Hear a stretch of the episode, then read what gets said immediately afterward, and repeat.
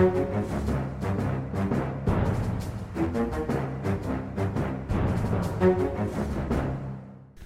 da ønsker vi velkommen til et nytt Aftenpodden. Jeg heter Lars Glomnes og er politisk journalist. Med meg så har jeg politisk redaktør Trine Eilertsen og som vanlig kulturredaktør Sara Sørheim. Du kommer direkte fra Sverige og det vi vil kalle Aftenpoddens internasjonale gjennombrudd. Du har vært i svensk TV og diskutert Knausgård, som vi begynte med her i dette lille studio i forrige uke, og det var litt av en opplevelse. Ja, for å bruke litt sånn moderne språk. Det var litt av en reise, eh, dette her. Men eh, også bokstavelig talt. Det var jo en, en ganske eh, interessant transportetappe først over til Sverige, og så kulminerte det i eh, en debatt på SVT som jeg har vanskeligheter med å forstå at faktisk skjedde i virkeligheten, nå når jeg tenker på det. For det, for det var ikke bare ett tema, selv om du begrenset deg til Knausgård og den svenske offentligheten. Ja, altså, Ekkokamera i Sverige, det, det fikk du sagt på svensk TV. Ja, jeg fikk sagt det. Ja, det var på en måte målet mitt. Men Ja. eh, det starta jo, jo eh, i dette studio eh, for vår del, hvor vi i forrige uke diskuterte Karl Ove Knausgård sin eh, kronikk i eh, svenske mm, medier, hvor han, hvor han rett og slett bare oppsummerte Sverige som etter hvert nå alle har blitt kjent med, som kyklopernes land. Hvor eh, det ikke er plass til eh, så veldig mange andre folk enn de som er enige med hverandre. Kan- mm. Og så eh, kommenterte jeg det, og så ble jeg invitert da, til å komme til SVT på deres debattprogram, eh, som er da det største debattprogrammet på TV i Sverige, for å diskutere dette her med er det for trangt i den svenske offentligheten. Det hørtes jo egentlig ganske streit ut, så jeg tenkte at det er fint å være med på det. Så vet jeg ikke om jeg bare skal rett og slett eh, bedre altså show, don't tell. Kanskje heller bare beskrive hva som skjedde da jeg ble henta på flyplassen på Göteborg for å bli tatt med inn til studio. Det syns jeg høres ut som en god idé. For det, da, da fikk du jo merke at det var ikke bare ditt tema som skulle debatteres, det var også andre. Ja, altså denne dette debatten har Eller Debatt heter det på SVT. Dette programmet har en sånn oppdeling i flere temaer, og det har en ganske sånn folkelig profil, eh, skjønte jeg etter hvert. Ja. Men på flyplassen så ble jeg hentet av en, eh, en taxisjåfør som da eh, selvfølgelig viste seg å, å også være genusforsker. Og har jobbet med likestilling i veldig mange år. Så selvfølgelig, til og med taxisjåførene er Men, men det var ikke noe å leve av. Ikke engang i Sverige. Nei. Nei, Og hvis ikke du kan leve som kjønnsforsker i Sverige, så kan du bare ikke det. Det er en utdannelse som aldri noensinne kan, kan bli til en jobb. Nei. Og så um, viste seg at det var en passasjer til som skulle bli hentet, og det var da jeg skjønte at dette kom til å kanskje gå helt galt. Fordi hun, som jeg da ikke visste helt hvem var, som kom inn i taxien, viste seg å være en Hollywood-frue. På ekte. Eh, fra serien Svenske Hollywood-fruer. Ja. Og hun sa at hun skulle i samme program som meg. Og så begynte vi å snakke sammen, og det ble en veldig forvirret periode eh, i mitt liv. Eh, For- fordi For du skjønte ikke umiddelbart at eh, debatten var todelt.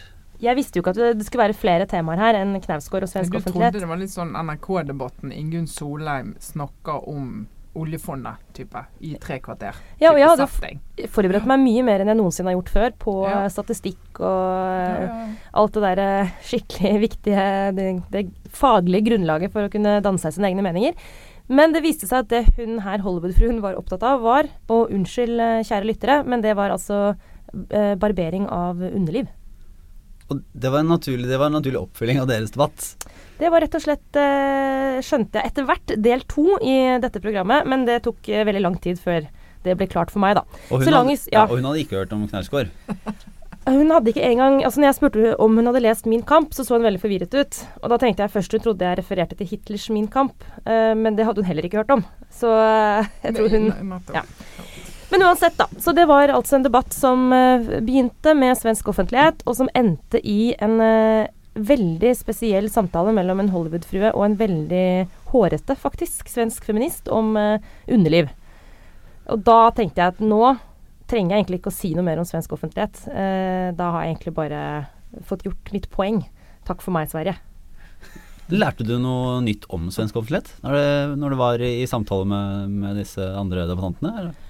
Ja, det som var veldig interessant, var at eh, Jeg tror det som for oss virker som en helt åpenbar eh, utfordring for den svenske offentlige debatten, eh, det at stemmer som utfordrer konsensus, eh, ikke er så tydelige i de etablerte kanalene for debatt. Da. Typisk sånn eh, debattsidene i avisene. Der er det jo mange redaktører som mener at eh, folk med holdninger de ikke liker, f.eks. Eh, representanter for Sverigedemokraterna, rett og slett bare ikke bør komme på trykk. Uh, og her tror jeg alle, alle og alle, men det er rimelig sånn konsensus i Norge rundt at det er viktig å invitere inn stemmene i den felles debatten.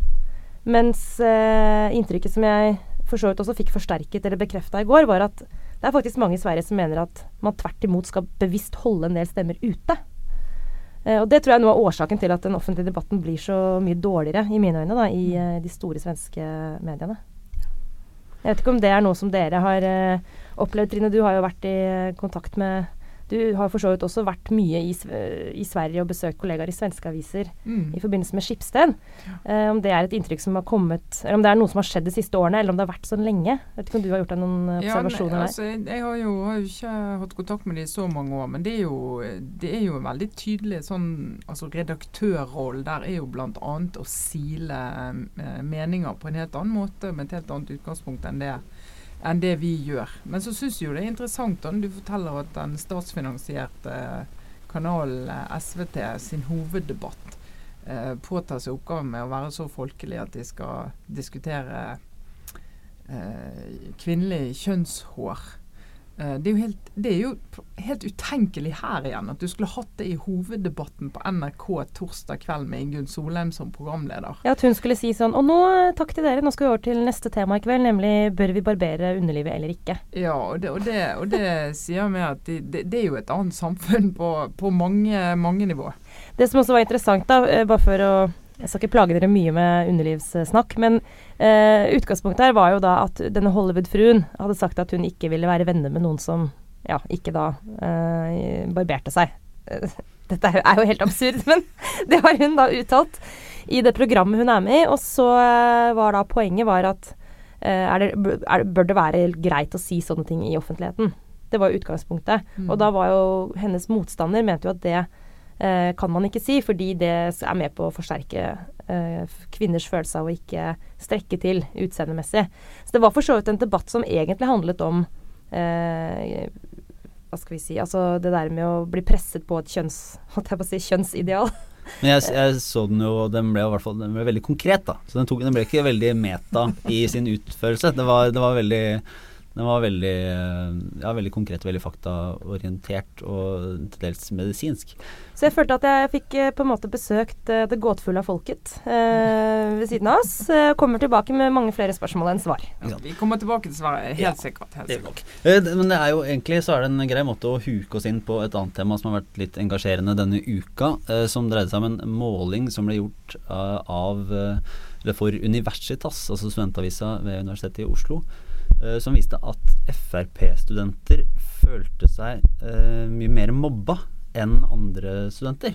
Mm. Uh, og det ble også tolka som at det er vanskeligere å stå fram i studentmiljøer med politiske meninger hvis man er Frp-er. Og det var også et innlegg i Aftenposten denne uken uh, en ung student, hun på 20, som fortalte om hvordan hun følte seg uglesett og liksom frosset ut fordi hun deltok i i debatter på skolen, og ga tydelig uttrykk for Frp-sympatier. Og da er jo spørsmålet er det vanskeligere å, å være åpen Frp-er eh, enn det er å være åpent politisk eh, for andre partier?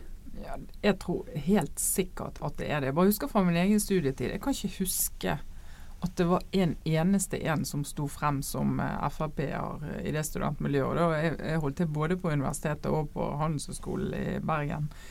Så du skulle i hvert fall ha et visst spekter av, eh, av politiske meninger der.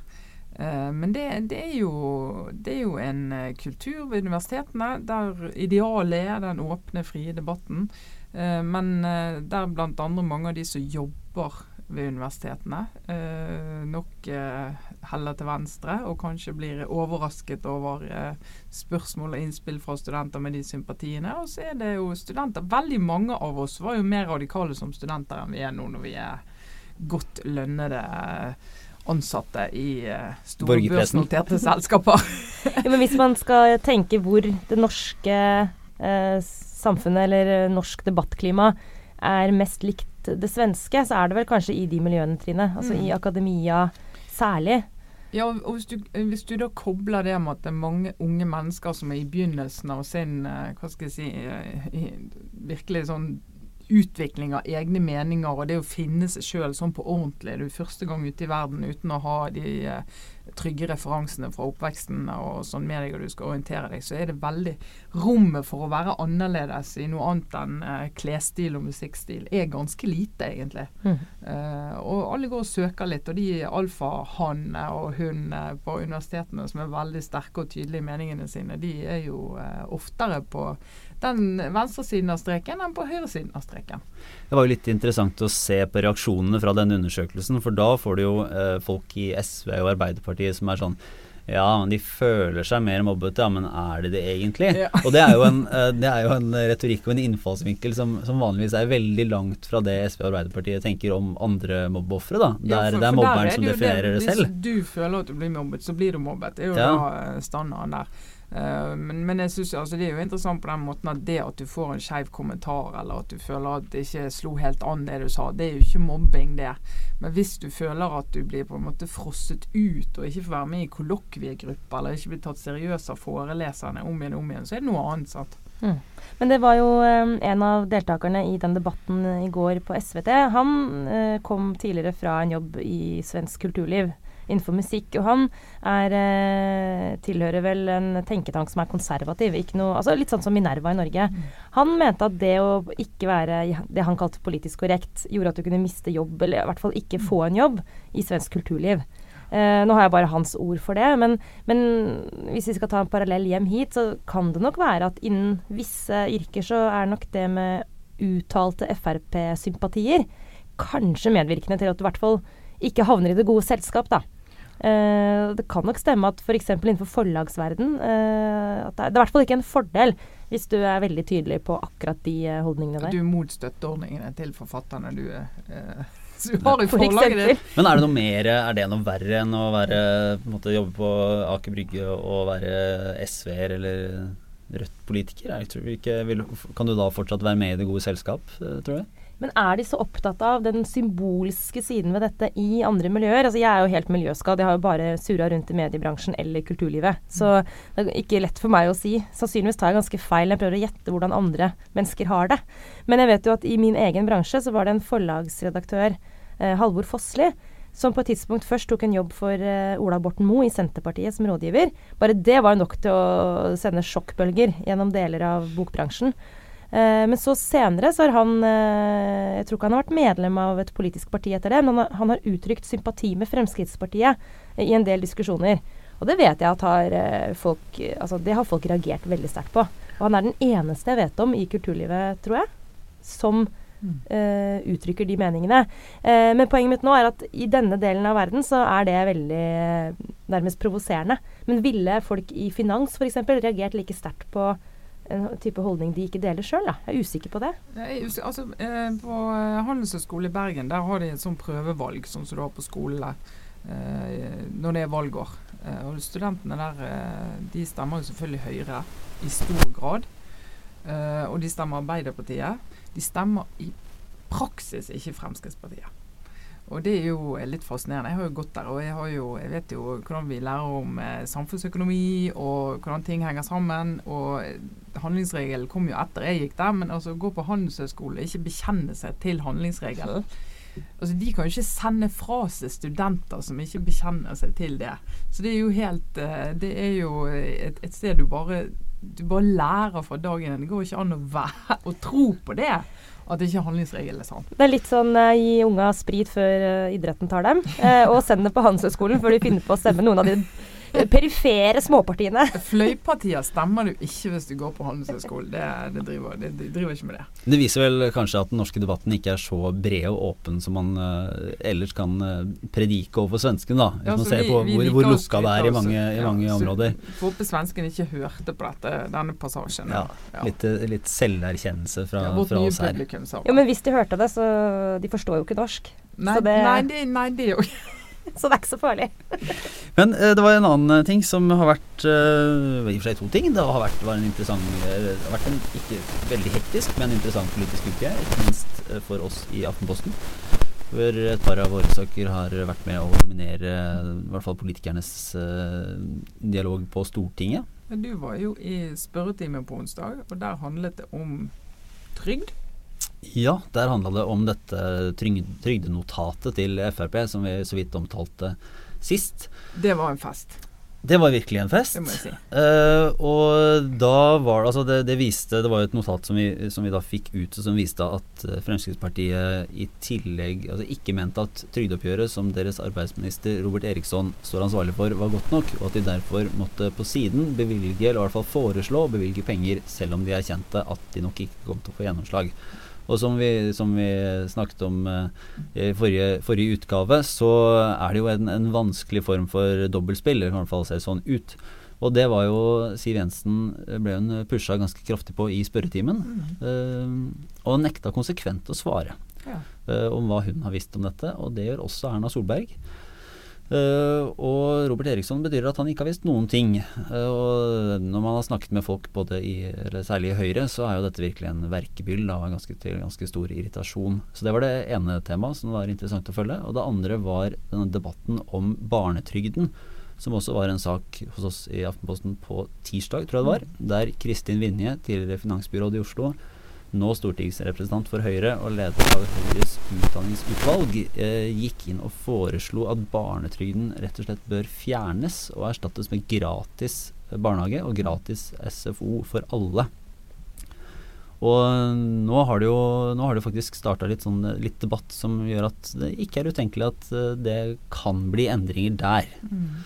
Så det blir spennende å se. Ja, og det er jo den uh, barnetrygden da den kom rett etter krigen og ble universell i sånn rundt 1970 et sted. Og så vil si at alle fikk det. Så noen, som, tjente lite, fikk mer, mens noen som tjente mer, fikk mindre. Uh, så er jo det den første av de ordningene som nå utfordres på ordentlig. Han har jo ligget der helt i ro. Har jo ikke vært justert for noen prisstigning, ingenting, i flere år. og nå får vi også en diskusjon som jeg syns er veldig riktig eh, hvor du ser alle disse ordningene som vi kan gi under paraplyen overføringer til barnefamiliene på en eller annen måte. Eh, og se de i sammenheng.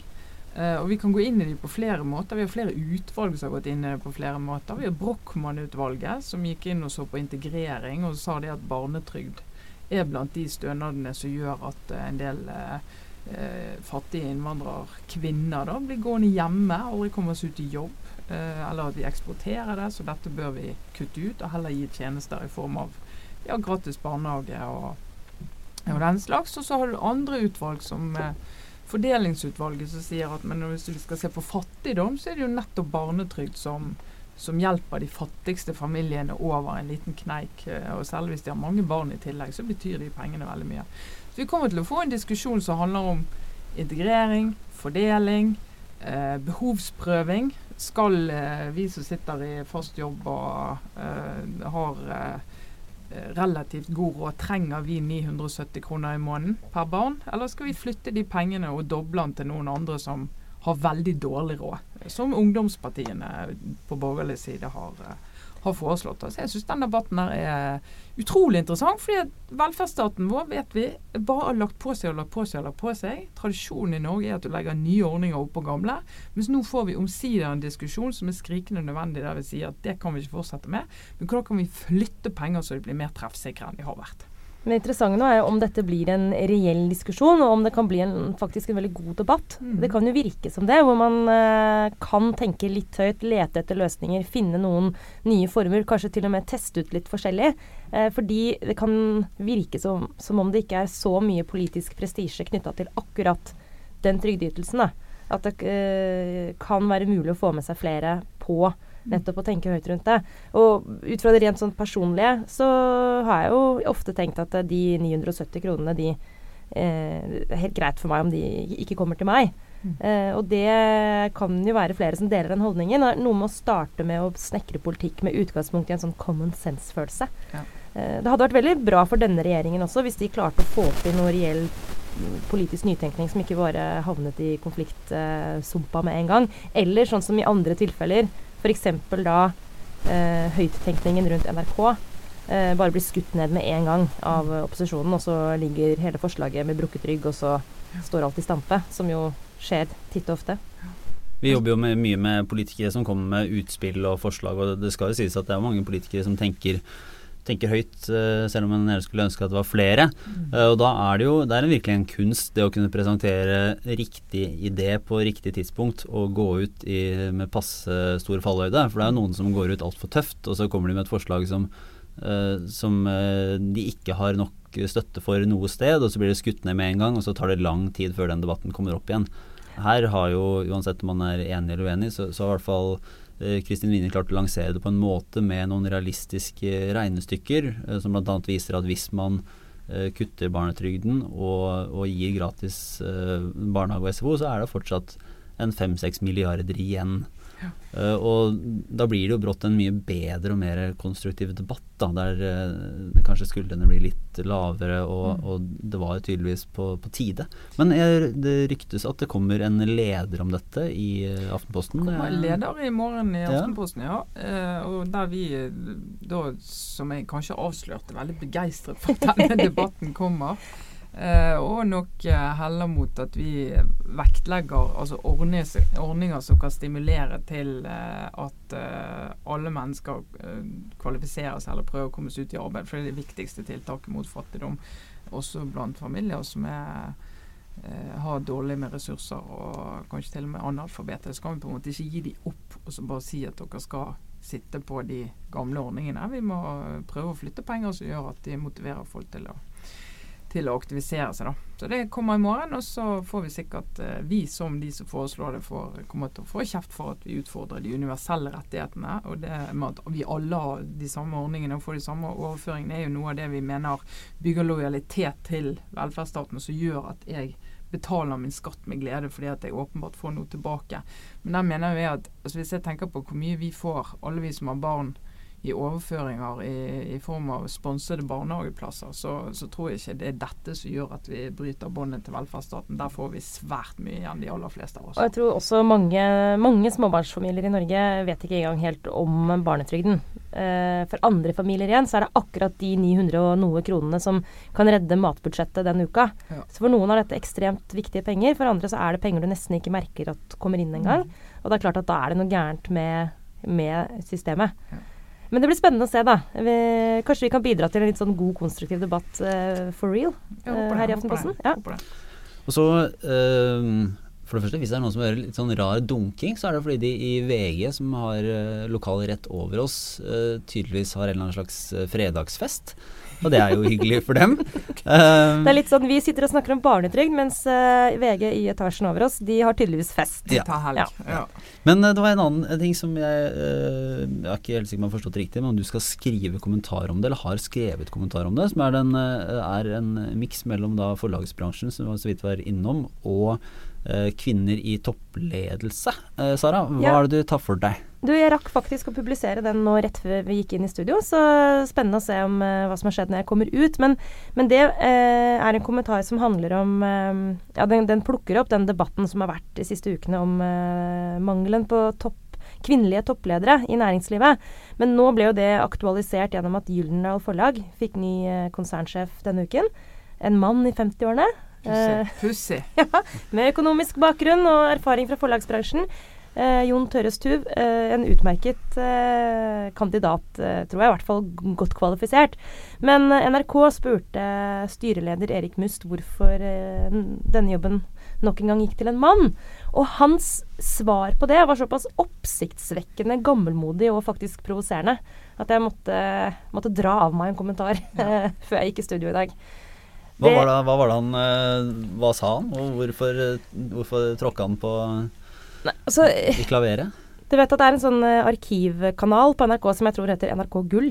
Som hender at uh, hvis datteren min har vært og skrudd på, på, radioen, så er det plutselig den. Og så er det sånne innslag fra mellomkrigstiden, sant. Uh, for helt ærlig så var det litt sånn bare at det kunne misforstås, det innslaget med Erik Must på Kulturnytt eh, om det var et arkivopptak. For real. Eh, dessverre var det ikke det. Det var eh, virkeligheten, og det skjer i 2015. Da er det altså en styreleder som sier at eh, kvinner i næringslivet og i dette tilfellet forlagsbransjen har ikke lang nok erfaring som ledere til å kunne ta en topplederstilling. De begynte litt sent, de kom litt sent i gang. sa han vel. Ja. Sånn at de, de må jobbe noen år til før de, før de har kommet seg opp på dette nivået da, som disse mennene åpenbart er på. Jeg har, Eh, som man ja, la til også, men jeg har veldig tro på at kvinnene kommer. Kommer Sånn- for fullt. Ja, etter hvert. fremtidens, eh, fremtidens arbeidskraft. Eh, men eh, jeg, jeg har ikke fulgt denne saken så tett. Men forlagsbransjen slår meg som en relativt likestilt og til dels kvinnedominert bransje. Det er jo kvinner som leser bøker, f.eks. Kan Ja. begynne der. Altså, det er jo helt eh, hårreisende paradoksalt, eh, som, som du sier, Trine. Kundene er kvinner, men eh, veldig mange av medarbeiderne er kvinner. Og også veldig mange av lederne. Eh, og det jeg skriver om, er at eh, nesten alle forlagene har eh, kvinner i NK, altså nest øverst, NK-stillinger. Eller i ledende roller ellers i konsernet og, og i redaksjonen. Så det er veldig mange kvinner i norsk forlagsbransje nå med årevis av ledererfaring.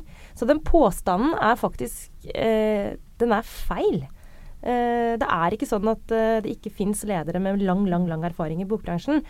Så det er nå én ting. Eh, noe annet er jo holdningene som ligger bak en sånn tankegang. Han sier jo også i intervjuet med NRK at eh, topplederstillinger er svært krevende. Og lar det henge litt i lufta. Eh, signalet han sender ut, er at eh, litt sånn lilla gumman, det er veldig slitsomt å være toppleder. Han sier også at han ville selv aldri klart det uten hjelp fra sin kone. Så um, Det er litt Ja, vanskelig og- og for sånn- disse kvinnene som ikke har en kone, rett og slett, Ja. å leve opp til kravene i topplederbransjen, for å kalle det det. Ja, og Det må jeg si som, som en som var så heldig at jeg hadde en hjemmeværende mann i ti måneder da jeg var toppleder. Det var jo et eventyr. Gud hjelpe meg så lett det er å være toppleder hvis du har en hjemmeværende et eller annet. Altså. Ikke handling, ikke middag, ikke henting.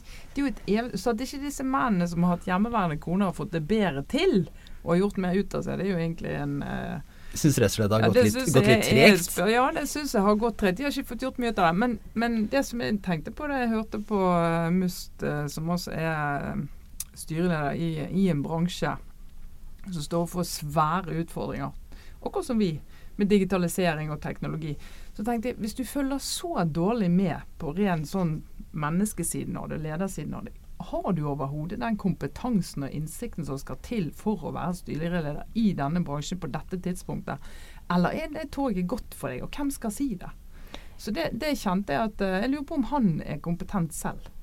Altså det, For å være helt ærlig, så tyder du, det tyder ikke på det. Én ting er jo arbeidslivet generelt, men noe annet er jo at akkurat bokbransjen, akkurat som mediebransjen, blir nå utsatt for en form for eh, konkurranse som, som bransjen aldri har sett før, og den er internasjonal. Eh, digitaliseringen har kasta opp ned på ting, og det eneste som er sikkert, er at du må hente inn folk med annen bakgrunn og annen erfaring enn de som tradisjonelt har vært ledere. Snakker ikke bare om kjønn, men også om faglig bakgrunn og gjerne nasjonalitet og egentlig hele, hele pakka. Det er klart at En styreleder som ikke er i stand til å sette sammen et lederteam eh, med en sånn sammensetning, eh, tror jeg er feil person i 2015. Ja, Så er det noen som har sagt det, Trine. ikke Det sant? er bra. Og det, og det kommer altså, det kan leses eh, igjen, eh, dine nedskrevne tanker om dette, på, på aftenposten.no eh, fra, fra nå fredag ettermiddag og utover. Vi nærmer oss slutten, men det var bare en annen sak som fenga mange denne uka, og det var at Forbes Heter det Forbes kvinner, eller var det bare Forbes som kåra verdens mektigste kvinner? Mm.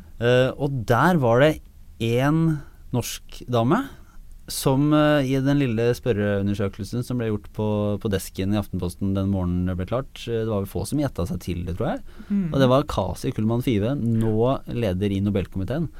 Er hun virkelig Norges mektigste kvinne? Jeg håper, jeg håper jo ikke det, strengt tatt. Nei, det er litt sånn Husker jeg i gamle dager så sa vi Roald Øyen han var sånn sesongarbeider. Han jobbet bare i påsken og julen med å lage julenøtter. Lurte alle på hva han gjorde resten av året. Og det er jo litt sånn med Kasi Kullmann Five og Nobelkomiteen som dukker opp en dag i desember. Og hva gjør de resten av året? Men, eh, men eh, spøk til side, selvfølgelig er ikke Kasi Kullmann Five en av Norges mektigste kvinner. Men det hun er, det kommer til å være en av Norges internasjonalt synligste kvinner. Eh, det kommer jo til å komme på litt sånn Gro Harlem Brundtland-nivå når det gjelder synlighet internasjonalt. Hun kommer til å bli hørt på en helt annen måte internasjonalt. Og Jeg skulle jo ønske hun bidro mer i debatten nasjonalt og, og virkelig kastet seg litt ut i det oftere og brukte den posisjonen til å til å ja, bruke litt makt og, og innsikt. da. For i motsetning til sin forgjenger, så kunne hun kanskje også bidratt på en ganske ja, Nå mener jeg ikke høres Jeg er litt lei av folk som skal tøyse med Jagland, men, eh, men det jeg skulle til å si, var at hun kunne kanskje også bidra på en litt konstruktiv måte i det offentlige ordskiftet. Hun er jo en eh, relativt eh, saklig og gjennomtenkt eh, dame. Ja, ja. Eh, og en person som jeg merker at jeg gjerne skulle, som du sier Trine, eh, hatt litt mer Jeg skulle ønske hun skrev mer og snakket mer og liksom seg inn i, inn i debattene. da. Det hadde vært interessant å høre fra det ståstedet. Men uh, ute i verden, altså, der, uh, der er jo hun synlig. Sammen med. Beyoncé. Ja, for det var jo en ganske Det var en litt merkelig liste. Det var jo alt fra Det var Angela Merkel da, som toppet, uh, toppet listen. Og, eh, men så var det Beyoncé og diverse popkulturelle ikoner og i det hele tatt. Jeg tror du Erna Solberg hun må ha sittet hjemme og tenkt sånn Ærlig talt, Kasi Kullmann Five. Utrolig irriterende at det er en annen Høyre-dame på Ja. liste. Vi får prøve å grave litt i det. Det får være en uh, sidejobb for oss uh, fremover. Ja, ja. Men du har vært på den topplista i, eh, i Norge, Trine? Ja, jeg har vært på, på den listen som Hegnar-universet har vært. Og jeg fikk det jo ikke med meg at jeg var der. Eh, Men så falt det ut av listen, da. Det var når jeg var sjefredaktør, tror jeg. Jeg lurer på om jeg var nummer 46 eller et eller annet sånt. Nede der et sted. Så falt det ut av listen, og da sto det at jeg hadde falt ut. Eh, tidligere kommentator i VG sto det. Og det syns jeg altså var så fornærmende å bli kalt det, at, eh, at eh, siden jeg sa jeg så nesten ikke forholdt meg til det. Det kan vi jo se på som en slags hilsen til vår kjære konkurrentpodkast eh, fra VG. Det er det verste som kunne skje Trine Eilertsen. Blir anklaget for, for et sånn Pådyttet. Ja. Ja.